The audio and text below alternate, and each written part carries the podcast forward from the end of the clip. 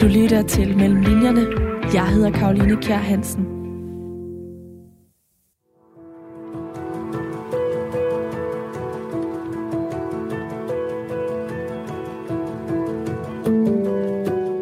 Det var først klokken halv to om natten, at det gik galt. De havde været til tredobbelt par middag, var taget på natklub og havde købt drinks, men på det her tidspunkt så han, at hans kæreste Feline var faldet i snak på herretoilettet. Han blev instinktivt grebet af en følelse af jalousi.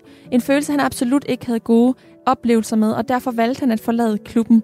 Han løb ud i en uh, taxa, men Feline hun fulgte trop, og herfra gik det stærkt. Han kan huske, at først så skændtes de bare, men senere så skændtes de også med taxachaufføren, fordi han var kørt den forkerte vej, så han valgte igen at forlade stedet. Han løb ud af taxaen, men Feline fulgte trop, og det havde nok afgørende betydning for, hvor galt det egentlig gik den her aften. Taxameteret det sagde nemlig 52 kroner, så chaufføren han løb efter dem. Han kan huske, at chaufføren han løftede armen cirka samtidig med, at han selv gjorde det. Men det var ham, der slog først. Et enkelt slag. Mere skulle der ikke til. Chaufføren ramte kølerhjelmen, før han ramte jorden, og det så voldsomt ud. Sådan her husker fodboldspiller Niklas Bentner selv den skæbnersvangre aften i 2018. Det var en episode, som senere fik ham idømt 50 dages fængsel. En dom, som han til gengæld fik lov til at afzone i sin lejlighed i København, og det udnyttede du forfatter Rune Skyrum Nielsen, fordi over de her øh, 50 dage i januar og februar 2019, der mødtes du med Niklas, og øh, i slutningen af sidste år, der udkom biografien Niklas Bentner begge sider så, og det er den bog, som jeg i dag dykker ned mellem linjerne i, og det gør jeg selvfølgelig med dig, fordi du er forfatteren bag, så Rune Skyrum Nielsen, rigtig hjertelig velkommen til Radio 4. Mange tak. Hvor godt husker du egentlig den her dag, hvor øh, overskrifterne i 2018 med Niklas Bentner og taxichaufføren, de øh, rullede? Jeg husker, det er en søndag, og jeg er på vej hjem fra bryllup øh, hos øh, faktisk en, en mediekollega og, og ven øh, øh, på en ø i Sverige. Så jeg er på vej hjem med en, en slags færgeoverfart til København, da jeg får et opkald fra øh, Ivan, som er Niklas øh, fodboldagent på det tidspunkt. Og øh, Ivan, han, øh, øh, han, han, er, han er oprevet og øh, fortæller mig så, hvad, hvad, han, hvad han ved, nemlig Niklas han har overnattet i kashotten. Øh, og få timer efter, der ringer Niklas også til mig, øh, og så får jeg jo øh, historien fra hans side. Så det er en dag, du husker godt? Ja, glimrende. Mellem linjerne, det er et program, hvor jeg taler med nogle af Danmarks dygtigste forfattere om alle de forberedelser og oplevelser, der ligger før deres bøger de kunne skrives. Altså med andre ord, alt det research-arbejde, som de har været ude i, og som ligger mellem linjerne i dem. Og øh, arbejdet med biografien Niklas Bentner, begge sider, som vi taler om i dag, begyndte jo faktisk længe før øh, de her konkrete interviews i 2019. Vi skal helt tilbage til 2012, hvor du mødte Niklas Bentner første gang. Ja, det er rigtigt. Hvordan var det? Det var en, en helt anderledes op, oplevelse, hvis øh, Niklas var blevet ved med at være på den måde over for, for en, den journalist, øh, som jo tilfældigvis var mig, øh, øh som han var dengang i 2012, så tror jeg ikke, vi havde øh, oparbejdet den relation og den tillid øh, og den fortrolighed, som, som vi siden har fået. Men dengang, der var han øh, en, en lidt skødesløs øh, ung mand på 24 år, øh, der øh, var blevet påtvunget at, at tage en, en journalist med på tur til England øh, for at træne i dag, og vi øh, tog taxa ud til, til lufthavnen ved Roskilde, og vi tog et privatfly over til lufthavnen i Newcastle, og så tog vi ellers en taxa igen til træningsanlægget Sunderland, hvor Niklas var udlejet til på det tidspunkt. Han kom for sent til træning, måtte træne med ungdomsspillerne i stedet for.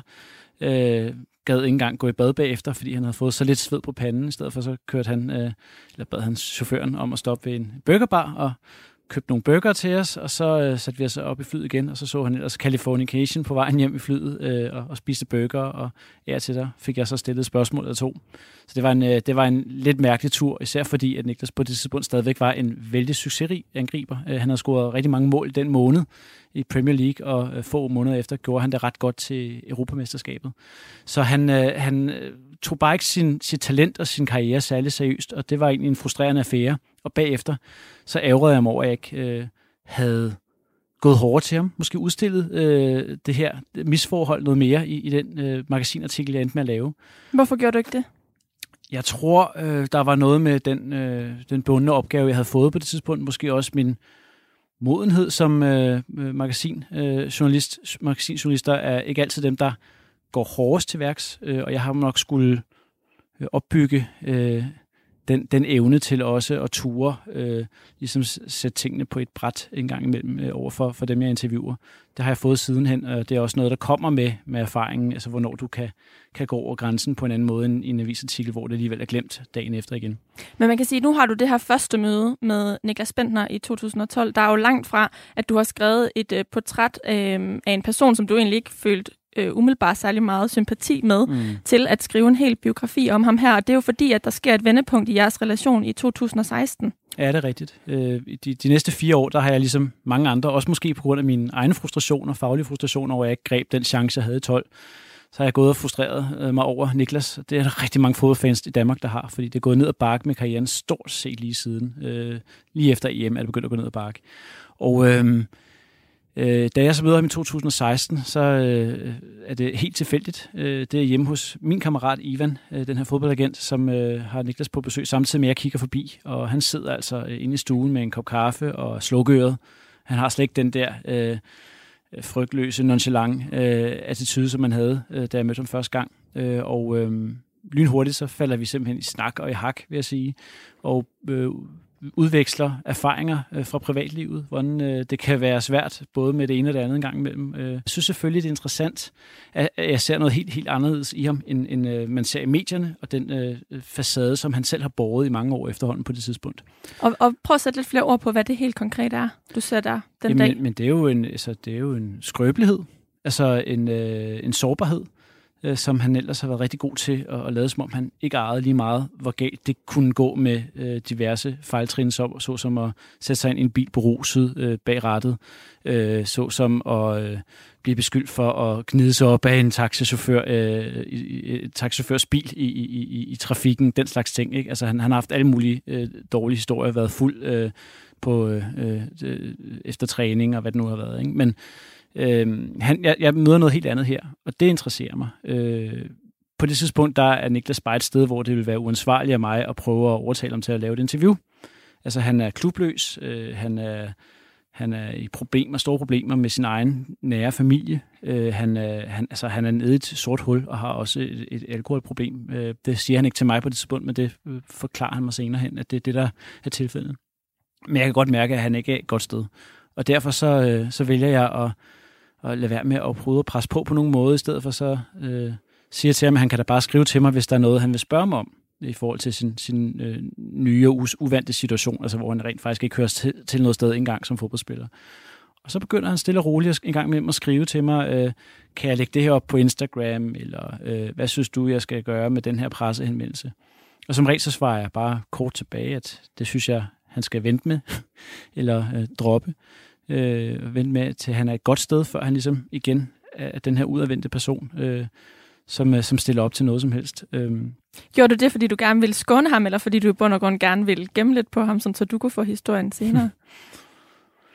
altså, jeg, jeg havde faktisk ikke rigtig nogen fornemmelse på det tidspunkt af, at jeg ville øh, skrive om Niklas igen. Det må jeg være ærlig tilstå. Jeg, jeg troede, at han var på vej et sted, hvor han øh, altså, øh, jamen, der, der var ikke noget at skrive om i lang tid. Altså, så det, det, jeg, jeg havde faktisk ikke den her øh, skjulte bagtanke. Det kan godt være, at den har ligget i min underbevidsthed, men det er ikke en, som jeg sådan har, har formuleret for mig selv i hvert fald. Øh, og det er måske også lidt naivt, men, men det var det faktisk ikke, tror jeg.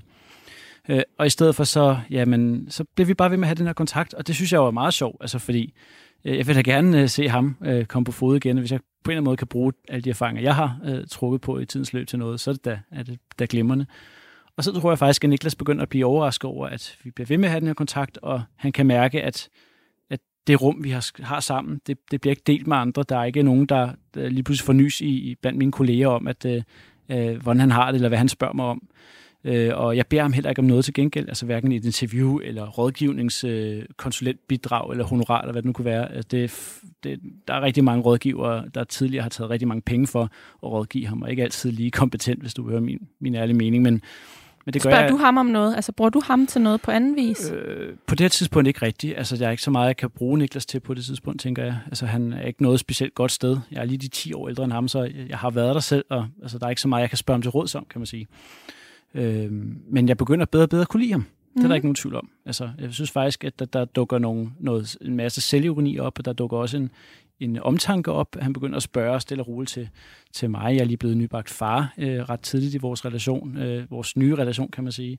Den slags ting, så øh, det gør han helt af sig selv, øh, hvor jeg egentlig begynder at få et øh, Danmark et mere sympatisk billede af ham. Øh, et helt andet billede, end, end man kan danne øh, ud fra, fra, fra de brudstykker, man finder i medierne, det er helt sikkert. Og så vender bøtten jo. Han kommer til Norge, det mest utænkelige sted for Niklas Bender, øh, højt op i Norge øh, i den friske luft øh, på fjellene nærmest. Øh, der, der vender han karrierebøtten og begynder at spille fast igen, scorer mange mål, fordi han næsten er for god til den liga, han, han nu har havnet i. Øh, men også så god, at han kommer tilbage på landsholdet. Og så vil alle jo have fat i Niklas igen. Øh, og der er hans besked så til dem, at han er egentlig kun interesseret i at lave øh, et interview med mig. Og det får jeg så at vide fra, fra flere lettere irriterede øh, redaktører derude. Fordi de synes jo ikke, at, øh, at den interviewede, der skal, øh, der skal bestemme, hvem der skal interviewe ham. Og det kan jeg egentlig godt forstå. Øh, men jeg, jeg bliver det også lidt glad.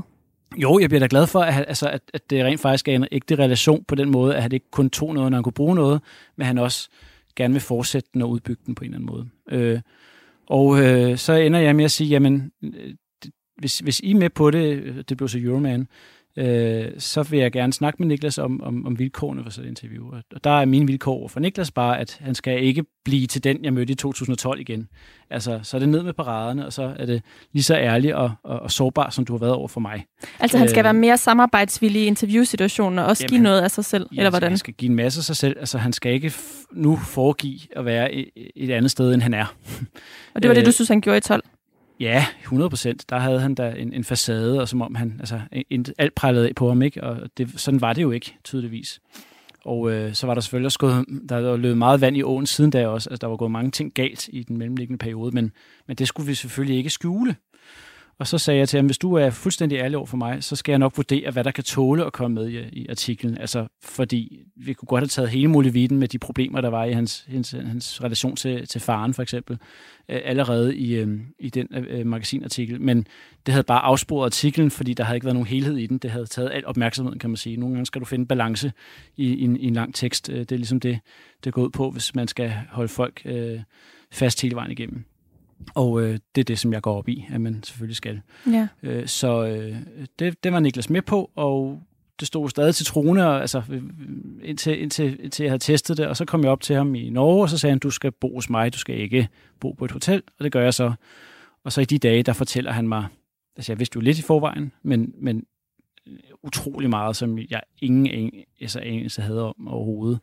Og øhm, og, og det, det er næsten overrumplende så meget, der er sket i Niklas liv, øh, kan jeg så forstå, de, de, de 10 år, han har været øh, fodboldspiller på det tidspunkt. Og øhm, det går jeg så hjem og skriver en artikel på, og øh, den bliver rigtig godt modtaget. Øh, og det giver så Niklas også blod på tanden til at være endnu mere ærlig og fortælle endnu mere, for ligesom at øh, få sin egen side med øh, af historien om Niklas Bender, som ellers har været dækket rigtig, rigtig grundigt øh, uden hans besøg. Så du foreslog ham, at de kunne skrive en biografi øh, efter artiklen. Ja, Hvordan var forløbet derfra? Ja, anledningen kom så, øh, da, da, da Niklas øh, lige pludselig fik fodlænke på og ikke havde noget at bruge 50 dage til, kan man sige. Og da mange øh, også fik et, øh, et eller andet kendskab til ham, i hvert fald så øh, at den her scene med taxichaufføren noget, jeg forbinder Niklas Bentner med, og det mm. på trods af, at jeg ikke har forholdt mig særlig meget til Niklas Bentner ellers. Mm. Og jeg vil faktisk gerne komme med en tilståelse. Mm. Jeg har kun læst den her bog, fordi du har skrevet den. Og det er fordi, jeg synes, du er en vanvittigt dygtig journalist. Jeg har læst nærmest alle dine portrætter i blandt andet ud at se, så det vil jeg gerne anbefale alle lytterne. Når man kører med i tog, så kan man meget passende lige kigge i det blad og måske finde noget øh, af dig. Men, men jeg har som sagt ikke rigtig det her, øh, den her relation eller forestilling om, hvem Niklas Bentner er. Det er jeg godt klar over, der er mange andre, der har. Mm. Men der sidder jo også nogen som jeg, der ikke har forholdt sig voldsomt meget til Niklas Bentners persona. Inden du mødte ham i 2012, hvordan var dit forhold egentlig til ham der? Jamen, jeg havde jo selvfølgelig den indgang til det, at jeg faktisk er landsholdsfan og øh, har fulgt landsholdet øh, lige siden jeg fik lov til at se første halvleg af kampen mod Uruguay, selvom det var øh, sydamerikansk tid øh, tilbage i 1986. Øh, så øh, det er midt om natten i Danmark. Øh, så, så jeg har... Øh, altså, jeg havde jo den, den holdning til ham, at jeg virkelig håbede, at han ville lykkes. Altså, jeg virkelig håbede, at han ville få noget af sit talent. Jeg var, jeg var allerede blevet skuffet en del gange på det tidspunkt, men jeg vidste jo meget om, hvem han var, hvad det var, han havde lavet, og håbede sådan, at øh, der ikke var noget om de der historier, som medierne skrev øh, om, om, om de øh, narestreger han øh, og, og fejltrin, han helt klart allerede havde begået i 2012. Øh, det var der jo desværre noget om. Øh, det fandt jeg jo ret hurtigt ud af, og øh, det har Niklas jo heller ikke prøvet at løbe fra. Men du havde altså øh, stor kendskab til ham, og sådan et, et forhold til ham, kan man sige, ja, også allerede inden du og, havde mødt ham. Og en spirende frustration allerede ja. der. Den blev ikke mindre af at, at bruge den dag med ham, fordi det, der var ting, der slet ikke hang sammen. Altså man kunne være så god og så succesfuld, og så leve så udisciplineret og ufokuseret. Det hang ikke sammen. Tænk på, hvad man så kunne, hvis man øh, levede anderledes. Ikke? Inden vi går videre til øh, de konkrete arbejde med at interviewe Bentner og ikke mindst transformere dem til de her 400 velskrevne sider, så tænker jeg, at det måske lige er vigtigt at få slået fast for alle. Øh, det kan jo sidde nogle lyttere ligesom jeg, mm-hmm. der ikke har dyrket Bentner i lige så høj en grad. Øh, hvorfor er det, at Bentner han er en interessant person? Mm. Han har jo en lang karriere på det danske landshold, hvor han er nummer 8 på sådan alle tiders nogensinde målscorerliste med 30 mål i 81 landskampe, i hvert fald hvad jeg har fundet frem til. Det lyder rigtigt. Øhm, så jeg er jo godt klar over, at et, et talent i sig selv, altså så stort et talent, er interessant. Men Niklas' historie er jo heller ikke et skønmaleri. Øhm, det er jo også det, titlen begge sider refererer til. Mm-hmm. Er det det, der gør ham interessant øh, som person for dig som forfatter, eller er det noget helt andet? Ja, altså for mig er han interessant alene af den grund, at han jo øh, altså, han, han har flere lag, tydeligvis. Øh, han, I sportsverdenen, der er, er folk næsten dresseret efterhånden til ikke at sige for meget hellere sige for lidt end for meget, og hellere øh, fyre en floskel af, øh, end, end, øh, end at sige noget, du rent faktisk mener, fordi det kan på en eller anden måde give bagslag. Øh, altså, man er blevet små robotter, synes jeg, i den professionelle verden. Niklas øh, var det modsatte. Han er utøjelig, kan man sige. Øh, men altså, og så har han jo det her, på den ene side, det her ufattelige talent, som kunne have bragt ham også langt øh, øh højere op på den liste øh, end nummer 8. Øh, og, og på den anden side, så har han jo... Øh, har han jo altså øh, nogle, nogle djævle, der er øh, nogle dæmoner, der arbejder i en anden retning. Øh, og det især det her med, at han ikke rigtig kan, især som barn, men også, øh, også som ung, og, og det er faktisk først som, som øh, i en sen modning som voksen, at han, han, er, han er endt med at kunne finde ud af at sidde stille og, øh, og beherske sig, kan man sige. Og den her trang til adrenalinkick hele tiden, den, øh, den, øh, den, den modarbejder altså det her talent, og det gør ham interessant for mig. Altså, hvis han bare var en succeshistorie, så ville det ikke være mig, der skrev den. Det er jeg ret sikker på, fordi jeg, jeg, jeg leder efter noget mennesker, jeg kan forklare for andre, men i høj grad også noget, der nogle gange kan være med til at forklare mig selv og min egen historie, min egen families historie, som øh, ligesom så mange andres er, er dybt kompliceret. Men altså, jeg, jeg tror, jeg er, øh, jeg er, er tiltrukket af øh, især mænd, øh, med mens historier, hvor de har en øh, jamen, hvor de har en, en problematisk eller uafklaret øh, relation til, til deres egen fædre, blandt andet. Det er noget, som jeg selv har arbejdet øh, en del med at være ude i øh, gennem årene.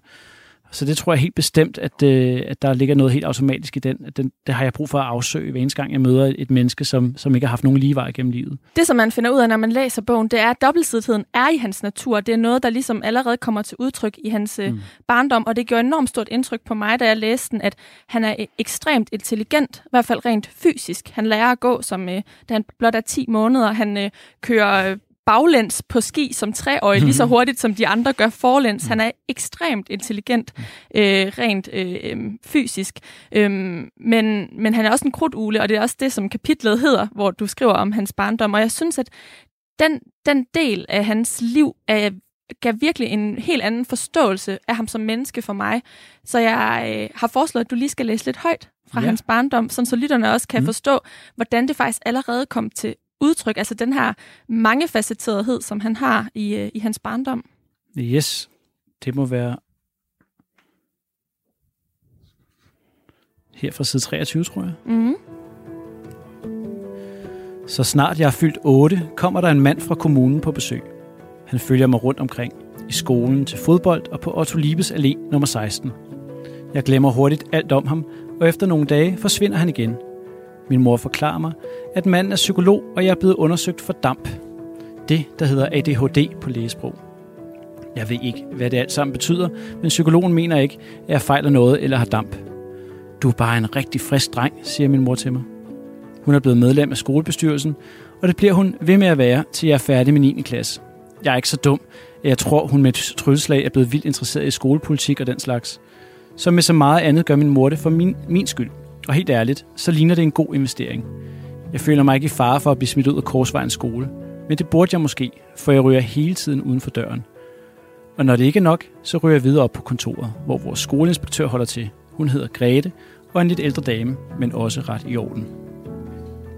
I 6. klasse regner Gregers mig ud. Gregers er lærer, og det er en lettelse, at hans slags findes.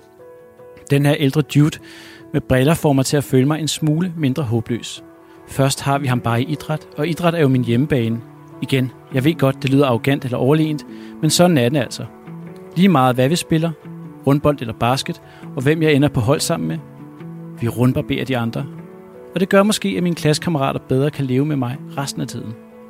En dag stopper vores matematiklærer, og så overtager Gregers undervisningen. Det ændrer alt.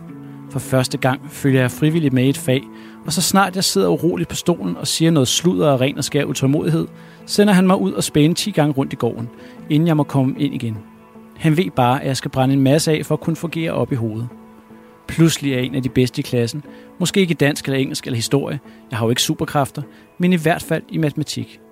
At plusse og minuse har aldrig været et problem. Jeg er rimelig god til tal, men Gregers lærer mig at bruge dem til noget mere. Han lærer mig at dividere fra den ene dag til den anden, sådan bum, der var den sgu. Det kommer lidt bag på mig, må jeg indrømme. Men så alligevel. Matematik er på mange måder noget med huller. Ting, der opstår og kan udfyldes med den rigtige form for det rigtige tal. Jeg kan se matematik for mig. Jeg kan ikke se nutidsære for mig. Det er to forskellige ting. Gregers er den første, der ikke behandler mig som en dum dreng. I stedet finder han mig, hvor jeg er. Han vil have det bedste ud af alle, og jeg føler mig accepteret som mig selv. Det er så optur, at jeg sagtens kan tåle at få skæld ud af ham. Når Gregers hæver stemme, for det gør han selvfølgelig, så går jeg ikke i forsvarsposition. Så tager jeg mig endnu mere sammen. Det har han fortjent, at jeg gør. Efter et år erstattes Gregers af en rigtig stivstikker i matematik. Typen, der går mere op i at lære mig regneregler, end i at lære mig at regne. Jeg mister interessen på et splitsekund. I idræt bliver Gregers ved med at være vores lærer. Heldigvis. Og han bliver ved med at være glad for mig. Men helt ærligt, i idræt er jeg svær ikke at elske. Sådan. altså meget tragikomisk på mange måder, mm-hmm. fordi at han er jo enormt selvfed her.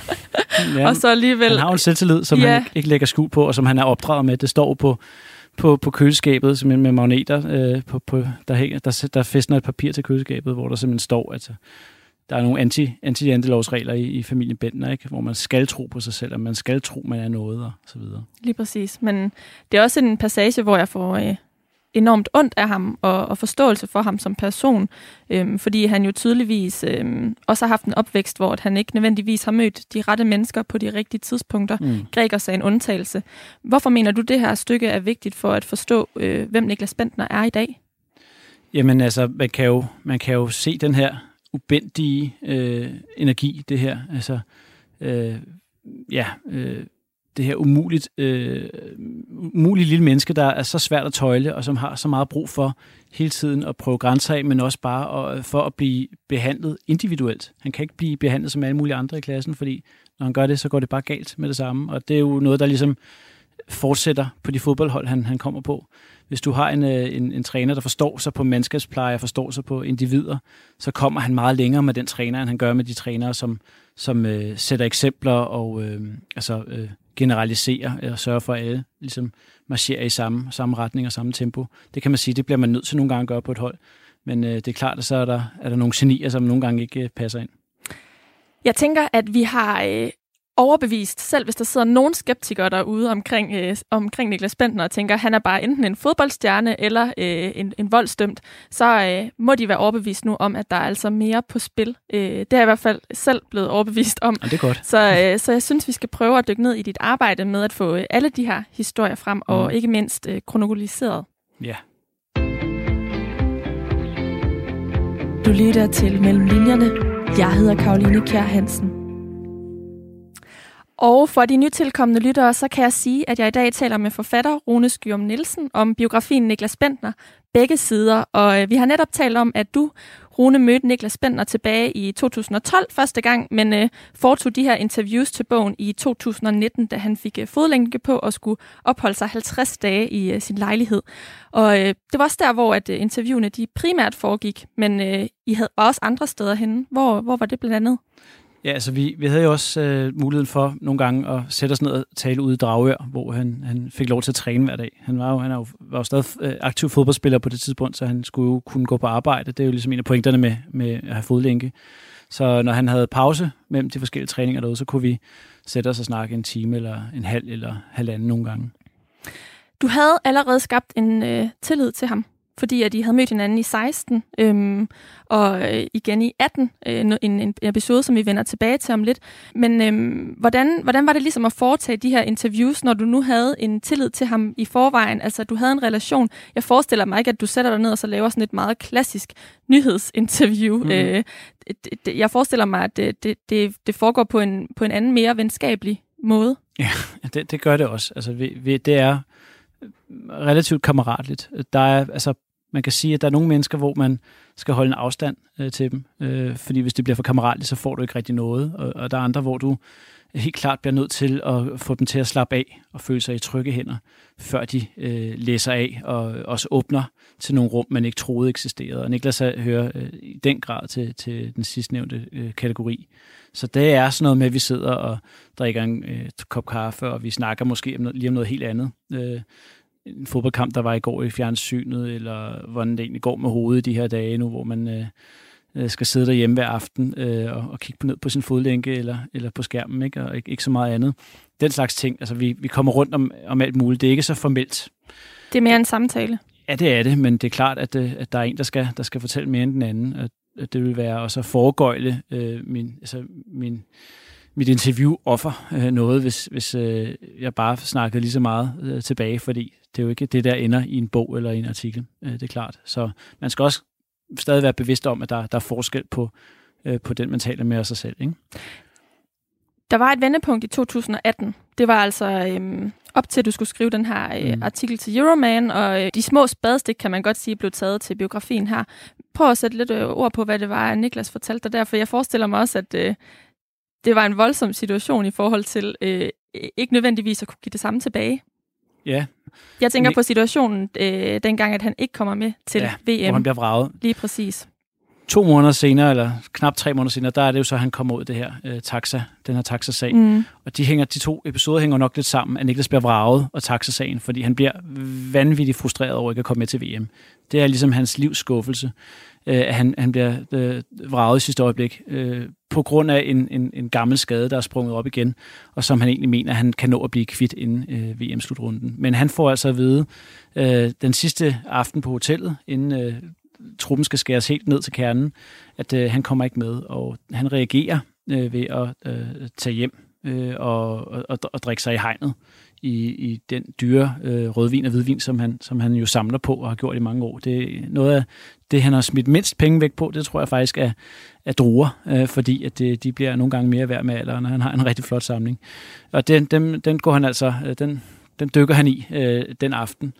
Og næste dag, der mødes jeg med ham øh, og hans, og hans fodboldagent. Øh, og på det tidspunkt er jeg begyndt ligesom at researche til bogen, øh, så vi har holdt løbende kontakt siden artiklen i Euroman også har været i nogle måneder før. Og, øh, og der, altså, der, der får jeg ligesom den formiddag, hvor han sidder med, med tømmermænd og fortæller mig, hvordan han har håndteret den her skuffelse. Der får jeg min indledning til bogen. Det er jeg slet ikke i tvivl om, øh, fordi det, det er så, så vildt, den måde, han reagerer på, og den måde, som øh, det øh, ligesom øh, indkapsler øh, Niklas karriere og liv. Altså hvad der sker. Han drikker sig fuld. Han flygter fra skuffelserne ind i alkoholen. Det har han gjort masser af gange før tidligere i sin karriere. Når han kom på bænken i Arsenal for eksempel, så var det sådan, han håndterede det nogle gange.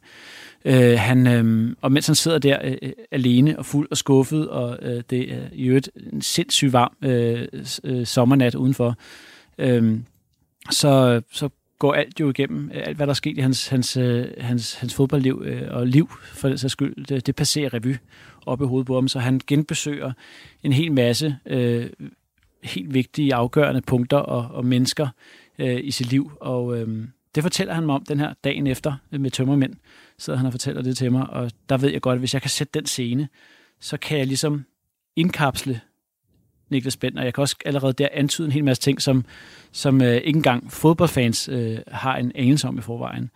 Øh, og hvis jeg først får antydet en hel masse øh, spændende øh, parallelforløb, øh, og springer dem til sidst, så øh, er jeg ret sikker på, at, øh, at man skal være ret øh, meget anti-Niklas Bender for at ikke have lyst til at gå på, på opdagelse i resten af bogen bagefter. Altså at samle de her tråde, de her stykker og, og få den hele historie.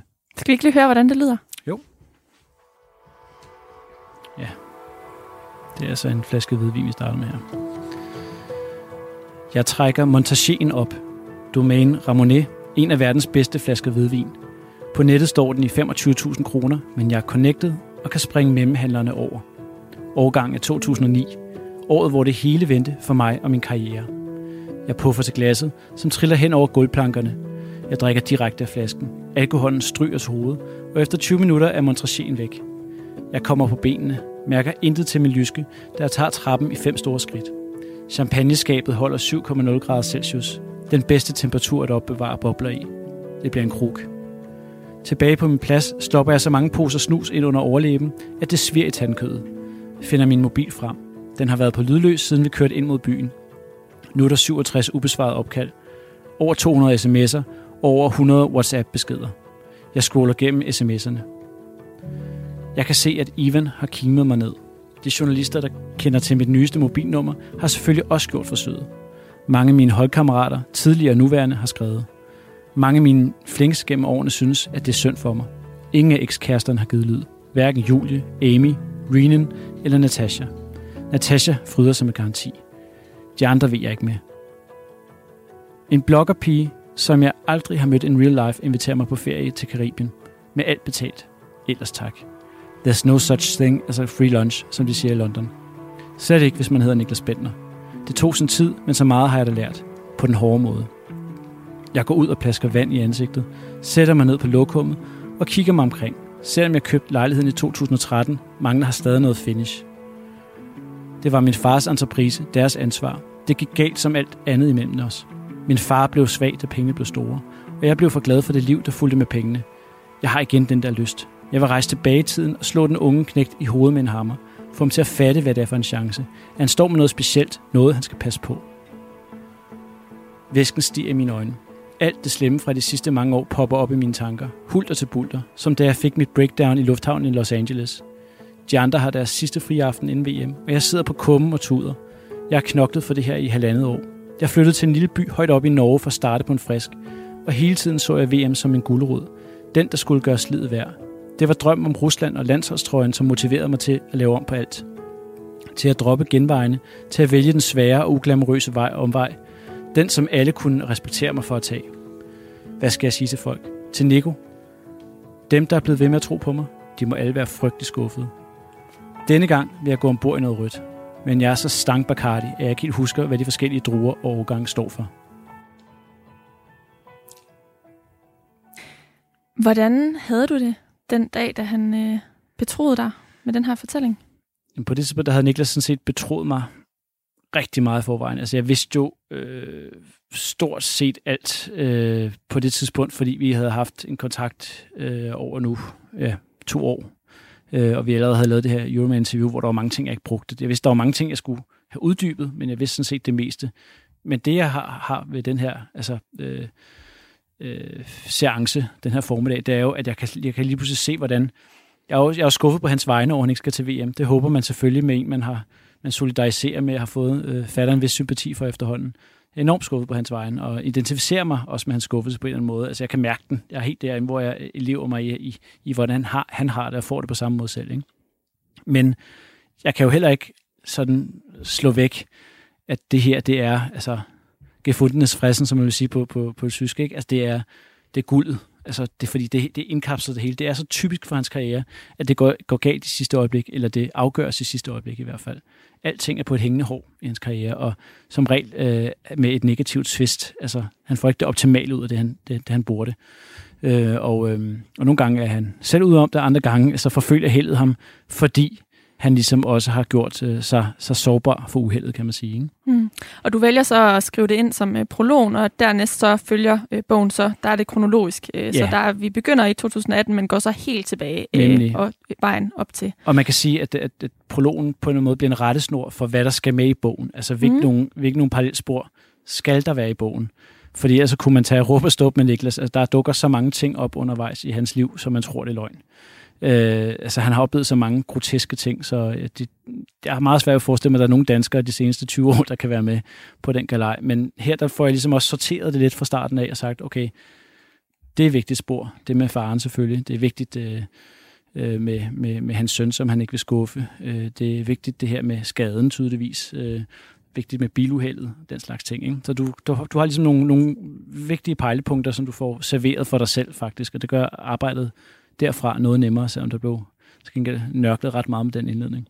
Og som du siger, så var det jo lidt guldet, du fik foræret her, mm. øhm, på trods af, at det var en enormt sårbar situation, mm. som Niklas sad i, og som du var, tog del af ved at være omkring det bord sammen og, med og, ham. Og en rå situation. Altså, det mm. noget af det, det, som Niklas synes var sværest, da han, da han så mit, mit bud på, på hans liv, kan man sige, øh, det var da, at, at den starter, den ligger så hårdt fra land. Altså, det er jo, det er jo alt glamouren, der bliver pillet af. Øh, det er jo bare total nedtur fra start. Ja, det er det, og det, altså, det er jo det er et blik ind i noget, som, som er meget privat. Ikke? Ja. Men, øh, men hvordan har du det i den situation, som, som del som øh, mennesket Rune Skyrm Nielsen og øh, journalist og forfatter Rune Skyrm Nielsen. Altså, hvordan balancerer du de to parametre? Mm. For det er jo også sådan en lidt øh, atypisk relation, du har med Niklas mm. som kilde, altså, fordi at de også er relativt nære efter de her mange år, I mm. har haft kontakt. Mm. Jamen, øh, mennesket spiller helt klart ind. Jeg er også blevet altså, så rig på erfaring efterhånden, så jeg ved, at jeg gør Niklas en bjørntjeneste ved at fremstille ham øh, bedre eller renere, end han er. Fordi så bliver han ikke troværdig, og så er der ikke nogen, der vil tro på alt det gode, der rent faktisk også er i ham, og som også kommer frem mellem linjerne på linjerne af og til. Øh, og det vil sige, øh, jeg, jeg gør bestemt ikke det her for at, øh, at, at grave en grav for Niklas. Jeg gør det sådan set, øh, fordi jeg tror, det er hans eneste vej videre i livet. Det er sådan set øh, at, at, at, at, øh, at blive troværdig. Og det bliver du kun, hvis du også lægger, lægger alt det negative frem. Og det har han jo også selv sandet bagefter. Altså han er, øh, hvis der er noget, han er glad for, han har gjort, så var det at udgive den bog på det tidspunkt. Mm. Men, men er det det, du helt konkret siger til Niklas i situationen, eller hvordan, hvordan skaber du den troværdighed hos ham i øjeblikket? Øh, man kan sige, at vi har, øh, vi har trygtestet øh, min måde at gå til ting på et par gange. Blandt andet den Euroman-artikel fra, fra januar 2018, tror jeg det var, den kom. Ikke? Øh, på den måde så har Niklas og jeg jo øh, testet, om det kan betale sig at være, være ærlig. Og derfor så tror jeg også, at det er den, der, altså, det er den erfaring, som han stoler på, at vi kan, vi kan folde endnu mere ud. Du vidste allerede ret meget om øh, Niklas Bentner, inden I mødtes her i 2019. Øhm, så det var egentlig bare sådan nogle ikke huller, du skulle have lappet, men altså, det, var, det var detaljer, du skulle have, fordi du mm. godt havde det store forkromede øh, overblik. Og vi har talt om, at her i 2018, da, den dag gjorde stort indtryk på dig, da, da Niklas blev vraget øh, og ikke kom med til VM. Mm. Men var der en dag eller en fortælling i løbet af de her 50 dage, januar-februar 2019, hvor I mødtes, der gjorde særligt indtryk på dig? At der var, der var ret mange gange, hvor øh, vi kom ind på nogle, nogle punkter, altså hvor jeg simpelthen bare lige spurgte for en god ordens skyld, og så viste det sig, at der, der gemte sig en, altså en, en, en skatkiste. Øh, Niklas har simpelthen oplevet så mange ting, som jeg også måske har nævnt tidligere, øh, at, øh, at der ligger mange historier, som simpelthen er ufortalte stadigvæk. Øh, og som han ikke selv øh, regner for noget særligt, fordi at det er jo bare øh, endnu en fisk i, i, i havet, ikke? eller i søen. Men øh, for eksempel så spurgte jeg sådan bare lidt øh, pro forma, om, om han måske også havde gået på casino på et tidspunkt. Fordi han ligesom havde nævnt, at han havde været, været det med en, med en, med en uh, spansk fodboldstjerne på et tidspunkt, da han spillede i Arsenal. Og så viser det sig, at han øh, har brugt alle sine penge op stort set på et tidspunkt på casino og har været så godt som afhængig af det. Øh, og øh, og øh, ligesom afreageret øh, på casino, når han var skadet eller, eller vraget af fodboldtruppen.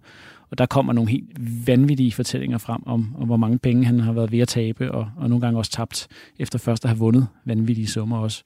Og det, det synes jeg egentlig var ret øh, øh, forbavsende og overrumplende, fordi øh, for alle andre ville det måske være den øh, top 3 over historier fra deres liv. Men Niklas har prøvet så meget, så man skal ligesom spørge ind til det. Og så kommer man i tanke om, at ja, det, jeg vil jo godt fortælle det til dig, så nu får du den. Ja, og nu foregriber du næsten mit øh, næste spørgsmål, ja. fordi hvordan fik du Niklas til at rendre hele sit liv? Altså, mm. gjorde du noget for at frembringe minder? Øh, fordi det er jo de færreste mennesker, der kan huske alt, de har oplevet, og i sådan en detaljeret grad, som det fremgår af bogen. Ja, altså man kan sige, at jeg har fået nogle ret nemme støttepunkter, altså i og med, at hans liv er jo beskrevet i medierne. Det er jo så kun øh, en, nogle blinde vinkler på hans liv, kan man sige. Men de er jo sådan øh, nærmest dagligt beskrevet i, i medierne gennem tiden, så jeg arbejder som altid med, med, med en tidslinje, og her var det sådan set bare så at sætte ham i gang. Øh, det, det er nok den nemmeste research-proces, jeg nogensinde har været i, mm-hmm. øh, vil jeg sige det her, fordi øh, han jo godt ville fortælle, da han endelig øh, valgte at give los, så gav han los for alvor. Og øh, det vil sige, at øh, med de sværhedsgrader, jeg tidligere var ude i, blandt andet med min Jacob Ejersbo-biografi, som var rigtig svær at, at, knække nøden på, fordi jeg skulle finde en helt, helt ny form, der ligesom kunne, kunne passe til det her meget, meget øh, sær, øh, særlige liv, som han havde levet. Øh, så, så var det egentlig mere livet af landvej med Niklas. Altså, der galt det virkelig, der var, der var kunst, kunstgrebet at få hans tillid og finde hans tone. Øh, fordi det er klart, det er jo mig, der skriver som ham. Øh, ligesom at, øh, at, at, at det er, at, at, øh, at, hvordan skal jeg forklare det? Det, altså, det er jo ikke Niklas selv, der har siddet ved tasterne her. Det er mig, der har ligesom taget alle hans historier og så har jeg skåret det ned til et, et, et, et lidt flydende øh, fremadrettet forløb. Ja, lige om lidt, så vender vi din uh, skriveproces. Mm. Men allerførst, så må jeg lige høre, altså har du eftertjekket hans øh, fortællinger på nogen måde? Øh, nu nævner du jo selv, at, at hans historie er meget velbeskrevet i forvejen, ja. så du kan jo selvfølgelig gå i medierne og tjekke, men ja. er der nogen, du har været ude og henvende dig til, eller på anden vis øh, sikre dig, at det altså ikke er løgn og latin, han har fyldt dig med? Ja, og jeg blev faktisk advaret af en af hans allermest øh, næreste fortrolige ret tidlige forløbet, nemlig hans lillebror Jannik, som sagde, at øh, ja, det, der kunne godt gå lidt røverhistorie ind en gang imellem, så det var nok meget godt, hvis han lige også fik lov til at kigge med. Og det, det fik Jan, ikke? og det fik hans mor, og det fik nogle venner, og det fik øh, øh, min kæreste og så videre. Så jo, der, jeg fik masser af tjek på undervejs, og der var, altså jeg må sige, Niklas, øh, jeg har ikke fanget Niklas i nogen bevidste øh, fordrejning eller løgne. Nogle gange så forskynder man jo øh, øh, sine egne gerninger eller, eller visse hændelser øh, i erindringen. Det er helt naturligt. Det er lige meget, hvem man øh, arbejder med, som kigger tilbage. Så vil der være nogle forskyndelser eller nogle... Øh, ja, altså nogle, nogle steder, hvor man springer lidt over, hvor gæret er lidt lavere, end det måske i virkeligheden var. Ikke? Men, øh, men, men Niklas har været, har været utroligt ærlig og, og, og, og, og ret to the point øh, med det, jeg har, det, jeg har, øh, har tjekket, og jeg har heller ikke fået nogen klager endnu på noget, der er stået i bogen. I mødtes sådan omtrent 45 gange i alt, har du fortalt, øh, og efter det, så var du i gang, øh, klar til at gå i gang med at skrive den, så jeg synes, mm-hmm. vi mhm. skal prøve at dykke ned i den del af processen mm-hmm. nu. Du lytter til Mellem Linjerne. Jeg hedder Karoline Kjær Hansen. Rune Skyrum Nielsen, du er forfatter til biografien Niklas Bentner begge sider. Du har jo allerede fortalt, hvor mange vilde historier øh, Niklas har fyldt dig med, mm. i hvert fald givet til dig, øh, og, og hvor mange gange I har været sammen. Altså, hvad gør man med så meget materiale? Jamen, jeg gjorde noget, noget andet, end jeg ville gøre normalt. Altså, jeg, har, jeg skrev noter undervejs, mens jeg optog det hele. Okay. Øh, men i stedet for at skrive alle mine optagelser ud bagefter også, det vil jeg gøre stort set altid ellers, øh, så øh, nåede jeg med noterne, og så havde jeg til gengæld Niklas stemme øh, øh, i min... Øh, in-ears og mine headphones og hvad det nu ellers øh, bar på hovedet. Øh, nærmest konstant i en måned. Der var vel også nok bånd, tænker jeg. Ja, der var rigeligt med timer, men jeg gjorde det simpelthen, øh, jeg havde ikke på det tidspunkt, havde jeg ikke allerede glemt historien igen, men jeg gjorde det simpelthen for at få hans sprog ind i, øh, ind i hovedet. Øh, jeg, havde, jeg skulle ligesom, jeg er jo ikke fodboldskribent normalt. Øh, fodboldinteresseret, men ikke fodboldskribent, kan man sige. Så øh, jeg har ligesom også skulle orientere mig i den her genre, hvad, hvad, hvad er rigtig godt. Og der synes jeg, det som øh, er rigtig godt rent stilistisk. Det, det, det er måske det bedste, det er Zlatan, øh, Ibrahimovic-bogen, Jeg er Zlatan. Og der enormt er omdiskuteret. Enormt omdiskuteret. Øh, på, på godt og ondt, kan man sige. På grund af metoder også, ja. men, men der er ikke nogen tvivl om, at den har litterære kvaliteter. Og det var også det, jeg var ude i. Jeg vil godt lave en, altså en litterær fortælling, der løftede sig op over fodboldnørderiet, og hvor man netop også fik øh, en masse mennesker til at læse med, som ikke øh, normalt ville interessere sig for fodbold. Det, jeg synes ikke, der er nogen udfordring i at tale til dem, der, øh, der, der ved, hvad de vil have. Det er meget sjovere at tale til dem, der, der, der ikke troede, de ville have det. Øh, og øh, så det gik jeg meget hårdt efter, øh, inspireret af, at, øh, at, at den, den her forfatter, svensk forfatter, havde fundet, fundet øh, Slatans stemme. Jeg vil gerne finde Niklas stemme. Så det var det første, eller var det at få kronologien på plads? Jamen, den havde, den, den, den havde jeg. Jeg, satte, jeg tror, jeg lavede et skelet med de her 5-26 kapitler. Måske var der 23 først, hvor det pipen så blev brudt op, sådan, så det sidste endte på 5-26. Jeg vidste sådan set, hvad der skulle i hvert kapitel.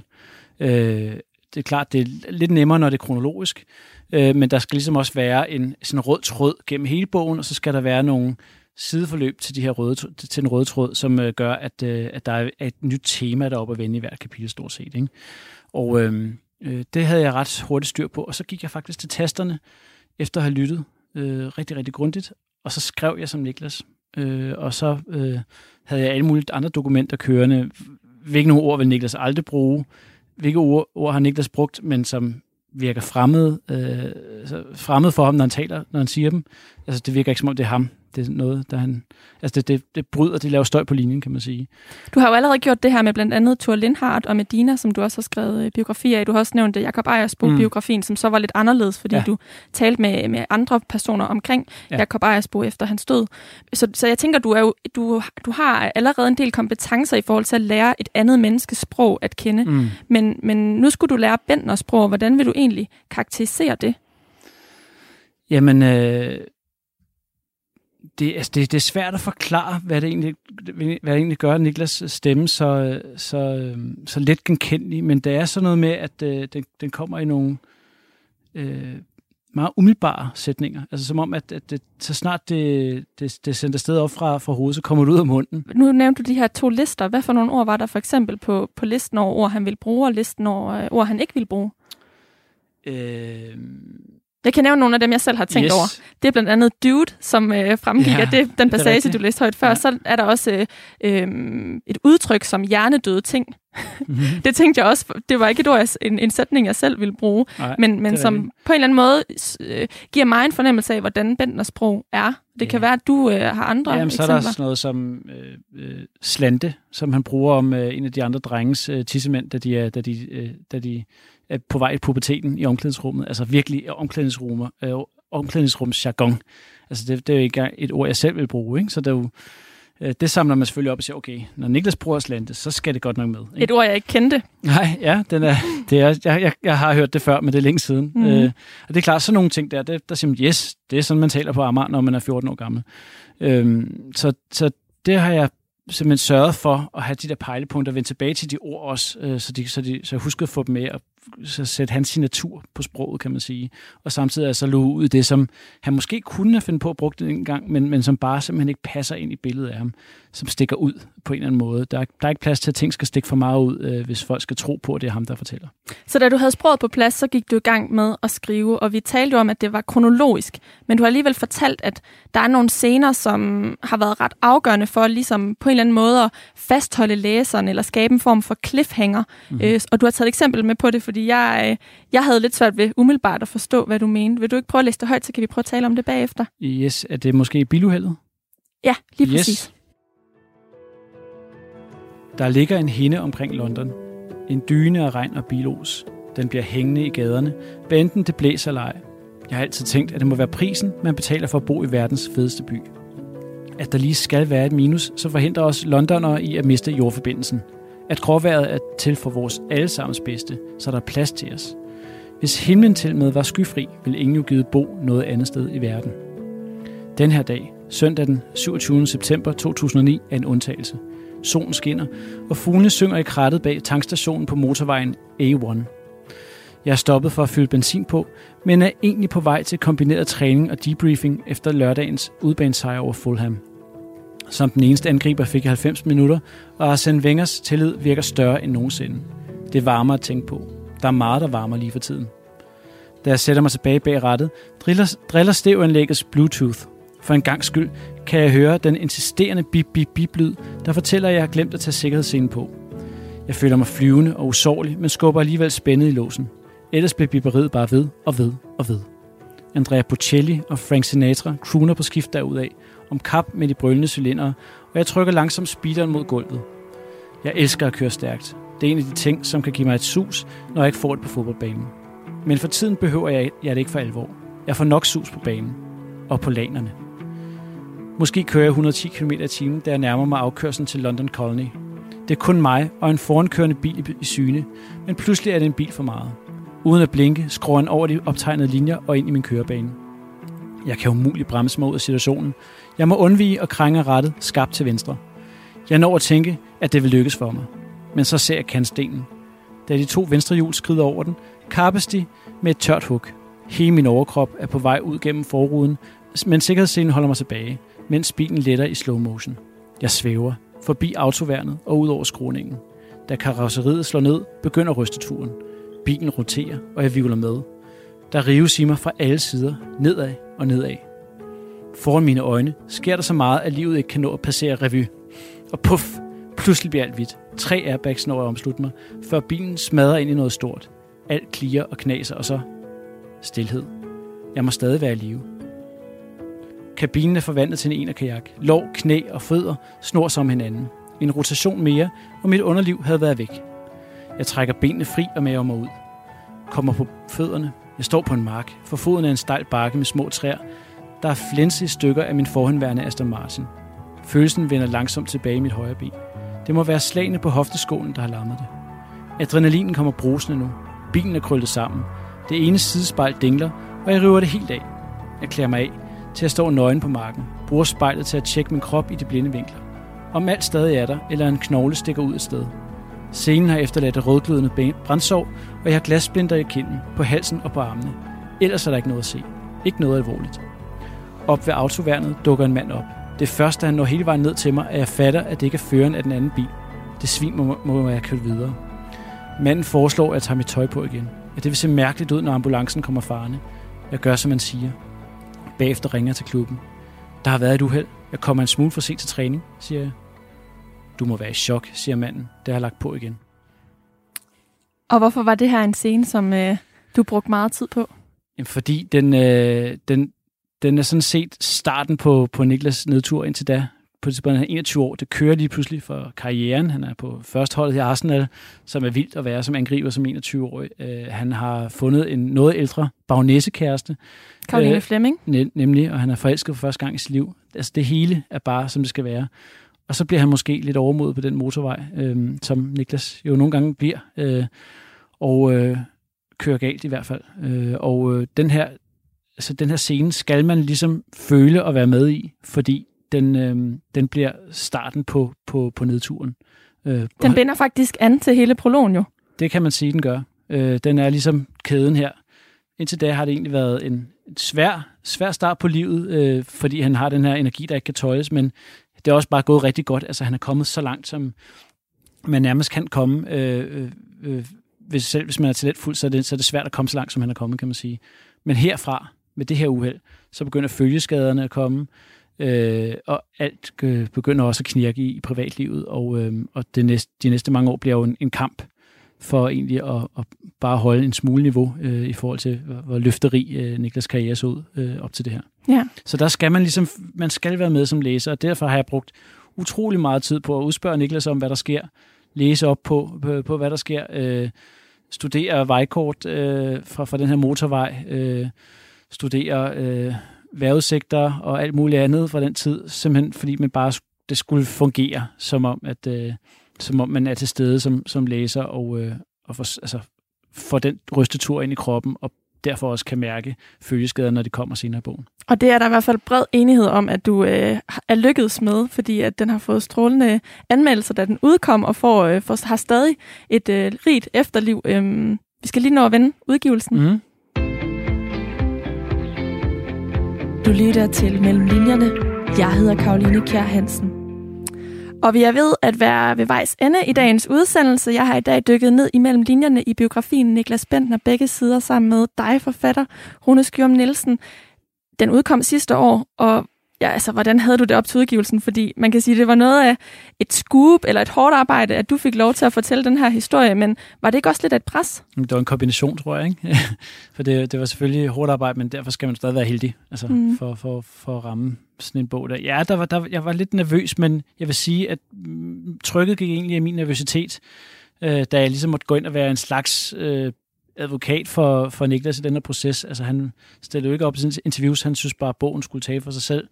Og øh, så var der jo virkelig mange medier, der, der lavede det gamle trick med ham, som, som de har gjort tidligere, når han ikke stillede op til interviews, nemlig at tage ting ud af kontekst. Så der var der er nogle virkelig skarpvinklede historier. Der brugte jeg faktisk mine kræfter på, så at gå ud og, øh, og, og, og, og tage nogle nuancer ind i, i de fremstillinger. Øh, og det var egentlig ret godt til at dæmpe nerverne. Og Læste han den egentlig igennem inden udgivelse? Jeg ved det ikke rigtigt. Jeg ved, at han læste den gennem senere hen, og nu er han jo meget glad for den, men jeg tror, han også var så nervøs op til udgivelsen, så han blev ved med at lægge den fra sig. Han er jo ikke nogen stor læsehest, kan man sige, øh, men til gengæld så fik vi en hel masse andre til at læse med, som ligesom kunne sige god for forskellige dele af hans liv. Øh, de ting, som han ikke selv havde været enormt. Det blev den mest solgte non-fiktive bog i 2019. Det er utroligt, ikke? Hvordan kommer man efter det?